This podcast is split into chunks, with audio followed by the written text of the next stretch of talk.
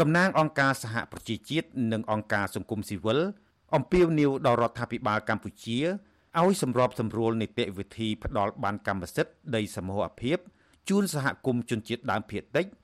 ដើម្បីជួយពួកគាត់ក្នុងការរក្សាដីកំណើត រួមទាំងអត្តសញ្ញាណប្រពៃណីវប្បធម៌និងជំនឿរបស់ពួកគាត់ផងដែរការិយាល័យឧត្តមស្នងការសិទ្ធិមនុស្សអង្គការសហប្រជាជាតិពិនិត្យឃើញថា ជនជាតិដើមភាគតិចនៅកម្ពុជា អាចប្រឈមនឹងការបាត់បង់ដី បើពួកគាត់មិនទទួលបានបានកម្មសិទ្ធិដីសមរភាពទេនោះក៏ប៉ុន្តែដំណើរការធ្វើបាននេះ មានភាពស្មុគស្មាញខ្លាំងចំណាយអស់ថវិកាច្រើន និងប្រើពេលវេលាច្រើនឆ្នាំទៀតផងការិយាល័យឧត្តមស្នងការសិទ្ធិមនុស្សអង្គការសហប្រជាជាតិប្រចាំកម្ពុជា បានបង្ហោះវីដេអូ និងសារអំពាវនាវនេះជាបន្តបន្ទាប់លើទំព័រ Facebook ផ្លូវការរបស់ខ្លួនស្ថាប័នដដែលវាតម្លៃថាតាមអត្រាប្រចាំឆ្នាំបច្ចុប្បន្នកម្ពុជាត្រូវប្រើពេលប្រហែល100ឆ្នាំទៀតទើបអាចឲ្យជនជាតិដើមភាគតិចទាំងអស់ទទួលបានកម្មសិទ្ធិដីសមរភាពរបស់ពួកគាត់បើរយៈពេល100ឆ្នាំមែនគឺវាយូរណាស់ហើយការផ្លាស់ប្ដូរជាច្រើនអាចនឹងកើតឡើងដូច្នេះ អត្តសញ្ញាណរបស់ជនជាតិដើមភាគតិចក៏អាចនឹងត្រូវបាត់បង់ដែរដូចនេះហើយវាទាមទារឲ្យយើងពិនិត្យឡើងវិញលើដំណើរការនេះបង្កើតការសន្ទនានិងស្វែងរកដំណោះស្រាយធ្វើយ៉ាងណាដើម្បីធានាឲ្យបានថាដំណើរការផ្ដាល់បានកម្មសិទ្ធិដីសមូហភាពនេះមានភាពងាយស្រួលលឿនប្រកបដោយបរិយាបន្ននិងមានប្រសិទ្ធភាពជាងមុនកម្ពុជាមានជនជាតិដើមភាគតិចប្រមាណ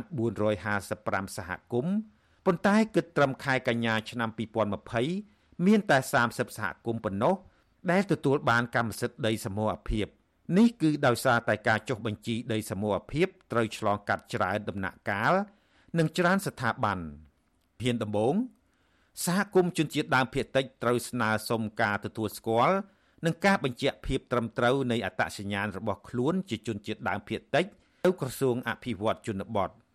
បន្ទាប់ពីមានការទទួលស្គាល់អត្តសញ្ញាណពីក្រសួងអភិវឌ្ឍជនបទរួចហើយ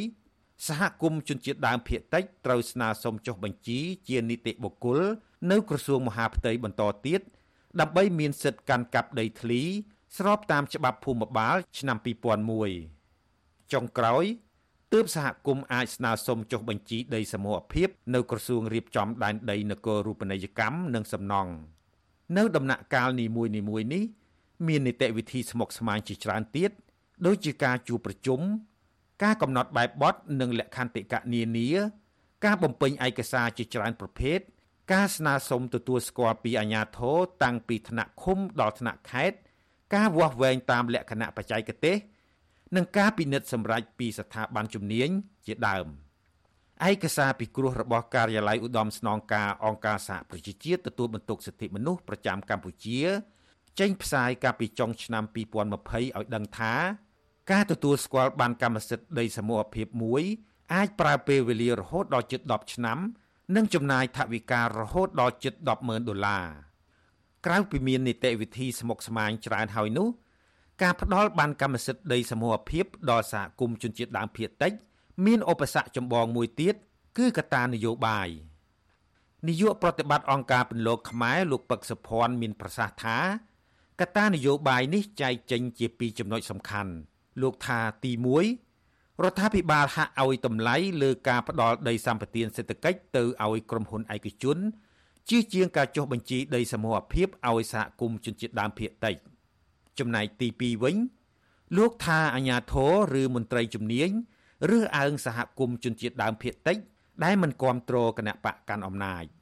រាជរដ្ឋាភិបាលលោកប្រកាន់យកគោលនយោបាយអភិវឌ្ឍបែបវិស័យកសិឧស្សាហកម្មគឺវាប៉ះពាល់ទៅដល់ដីសហគមន៍ជនជាតិដើមភាគតិចដែលលោកធ្លាប់បានប្រើតាមប្រពៃណីពីយូរយារណាស់មកហើយរឿងទី2គឺជារឿងប្រកាន់នៅនៃការនយោបាយ គឺសំដៅថាសហគមន៍នៅតំបន់នេះមួយតំបន់នោះមួយមាននិន្នាការនយោបាយទៅគណៈបកនេះទៅគណៈបកនោះហើយរដ្ឋាភិបាល ជាពិសេសអាជ្ញាធរនៅថ្នាក់ក្រោមជាតិផងដែរក៏ប្រកាន់យកគំនិតថាសហគមន៍នឹងចុះបញ្ជីដីទៅនឹងបង្កើតជាតំបន់អបគមអីអញ្ចឹងជាដើមណាដូច្នេះហើយបានជាដំណើរការនឹងវាធ្វើឲ្យកាន់តែរាំងស្ទះ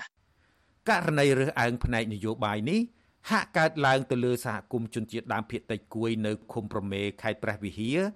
និងសហគមន៍ជនជាតិដើមភាគតិចជងនៅតំបន់អារ៉ែងខេត្តកោះកុងសហគមន៍ទាំងពីរនេះ មួយជាសហគមន៍ដែលគ្រប់គ្រងគណៈបកប្រឆាំងនិងមួយទៀតជាសហគមន៍ដែលតវ៉ាប្រឆាំងនឹងគម្រោងរបស់រដ្ឋាភិបាល ក្នុងការសាងសង់ទំនប់វារីអគ្គិសនីនៅតំបន់អារ៉ែង សហគមន៍ទាំងពីរនេះបានស្វាស្វែងជាខ្លាំងដើម្បីចុះបញ្ជីដីសមរភាពប៉ុន្តែជាច្រើនឆ្នាំមកនេះមិនទទួលបានលទ្ធផលនៅឡើយទេករណីស្រដៀងគ្នានេះដែរក៏កើតឡើងនៅតាមសហគមន៍ជនជាតិដើមភាគតិចមួយចំនួនទៀតក្នុងភូមិភាគឦសានអាស៊ីសេរីមិនអាចតាក់ទងแนะនាំពាក្យរដ្ឋាភិបាលលោកផៃស៊ីផានដើម្បីបកស្រាយរឿងនេះបានទេប៉ុន្តែស្ថាប័នសិទ្ធិមនុស្សរបស់រដ្ឋាភិបាលបានច្រានចោលការលើកឡើងទាំងនេះ សមាជិកនិងជាអ្នកនាំពាក្យគណៈកម្មាធិការសិទ្ធិមនុស្សរបស់រដ្ឋាភិបាលលោកកតាអូនថ្លែងថារដ្ឋាភិបាលយកចិត្តទុកដាក់ក្នុងការលើកកម្ពស់សិទ្ធិជនជាតិដើមភាគតិច តាមរយៈការទទួលស្គាល់សហគមន៍និងការចុះបញ្ជីដីកម្មសិទ្ធិសមូហភាពជូនពួកគាត់ជាបន្តបន្ទាប់លោកបកស្រាយថាភាពយឺតយ៉ាវនៃនីតិវិធីមួយចំនួនក្នុងដំណើរការផ្ដាល់បានកម្មសិទ្ធិដីសមូហភាពនេះ គឺដោយសារតែការអូសបន្លាយនៃជំងឺ Covid-19 លោកបន្ថែមថា ការចុះបញ្ជីដីសមូហភាពនេះស្ថាប័នពាក់ព័ន្ធរបស់រដ្ឋាភិបាលបំពេញការងារទៅតាមលក្ខខណ្ឌបច្ចេកទេស និងនីតិវិធីរបស់ខ្លួន មិនមែនធ្វើតាមការចង់បានរបស់បុគ្គល ឬក្រុមណាមួយនោះទេ នៅក្នុងកិច្ចការនេះយើងមិនអាចវិតម្លៃអ្វីដែលយើងស្នើយើងចង់បានលះតាមការចង់បានរបស់យើងទេពីព្រោះសំណើរបស់សហគមន៍មួយគណៈកម្មការជំនាញមន្ត្រីជំនាញក៏ត្រូវការសិក្សាវិតម្លៃវិធីពិតដោយការកាន់កាប់ជាក់ស្ដែងនៅគោលបំណងនៃសហគមន៍ទាំងនោះនៅកម្មវិធីជាចម្បងអញ្ចឹងយើងត្រូវមានដំណាក់កាលតាមបែបបទរដ្ឋបាលតាមបែបបទបច្ចេកទេសតាមបែបបលទទួលស្គាល់នៅដីកម្មសិទ្ធិសហគមន៍ទាំងនោះ ការបកស្រាយបែបនេះរបស់មន្ត្រីរដ្ឋាភិបាលត្រូវបានតំណាងសហគមន៍ជនជាតិដើមភាគតិចចាត់ទុកថាជារឿងមិនត្រឹមត្រូវនិងជាលេសដោះសារអ្នកប្រឹក្សាយោបល់នៃបណ្ដាញសហគមន៍ជនជាតិដើមភាគតិចខេត្តមណ្ឌលគិរីលោកគ្រឿងតុលាឲ្យដឹងថាសហគមន៍ខ្លះបានបំពេញនីតិវិធីនិងស្នើចុះបញ្ជីដីសមរភាពជាង10ឆ្នាំមកហើយមិនមែនទើបធ្វើនៅឆ្នាំ2020ពេលផ្ទុះជំងឺ Covid-19 នោះទេ លោកបន្តថារដ្ឋាភិបាលមិនបានគិតគូរពិតប្រាកដពីសុខទុក្ខនិងសិទ្ធិរបស់ជនជាតិដើមភាគតិចនោះឡើយតែចង់ទុកដីឲ្យក្រុមហ៊ុនឯកជនច្រើនជាង លោកថ្លែងទៀតថា ការចុះបញ្ជីដីសមូហភាពឲ្យសហគមន៍មួយចំនួននាពេលកន្លងទៅនោះរដ្ឋាភិបាលហាក់ធ្វើដើម្បីយកទៅអួតម្ចាស់ជំនួយ និងសរសេររបាយការណ៍ថា ខ្លួនគោរពសិទ្ធិជនជាតិដើមភាគតិចតែប៉ុណ្្នឹងឯង។ បើសិនជាគាត់គិតណាគាត់មិនដែតផ្ដោយរហូតដល់ថ្ងៃនឹងចុះបញ្ជីបានតែប្រមាណសហគមន៍ទេអញ្ចឹងគាត់រំលោភសិទ្ធិជនជាតិដើមបន្តិចរួចបាត់ទៅហើយបាទត្រង់ថ្ងៃគាត់គិតបានតែ1%គឺគាត់គិតដើម្បីអីគឺគាត់គិតដើម្បីមានម្ចាស់ជំនួយឬអ្នកឧបត្ថម្ភពីមជ្ឈដ្ឋាននេះមជ្ឈដ្ឋាននោះបើនិយាយឲ្យចំមានន័យថាគាត់ធ្វើស្រែលើក្នុងជនជាតិដើមបន្តិចតែម្ដងបាទសេចក្តីប្រកាសរបស់អង្គការសហប្រជាជាតិស្តីពីសិទ្ធិជនជាតិដើមភាគតិចចែងថា ជនជាតិដើមភាគតិចមានសិទ្ធិជាម្ចាស់ប្រើប្រាស់អភិវឌ្ឍនិងគ្រប់គ្រងដីធ្លី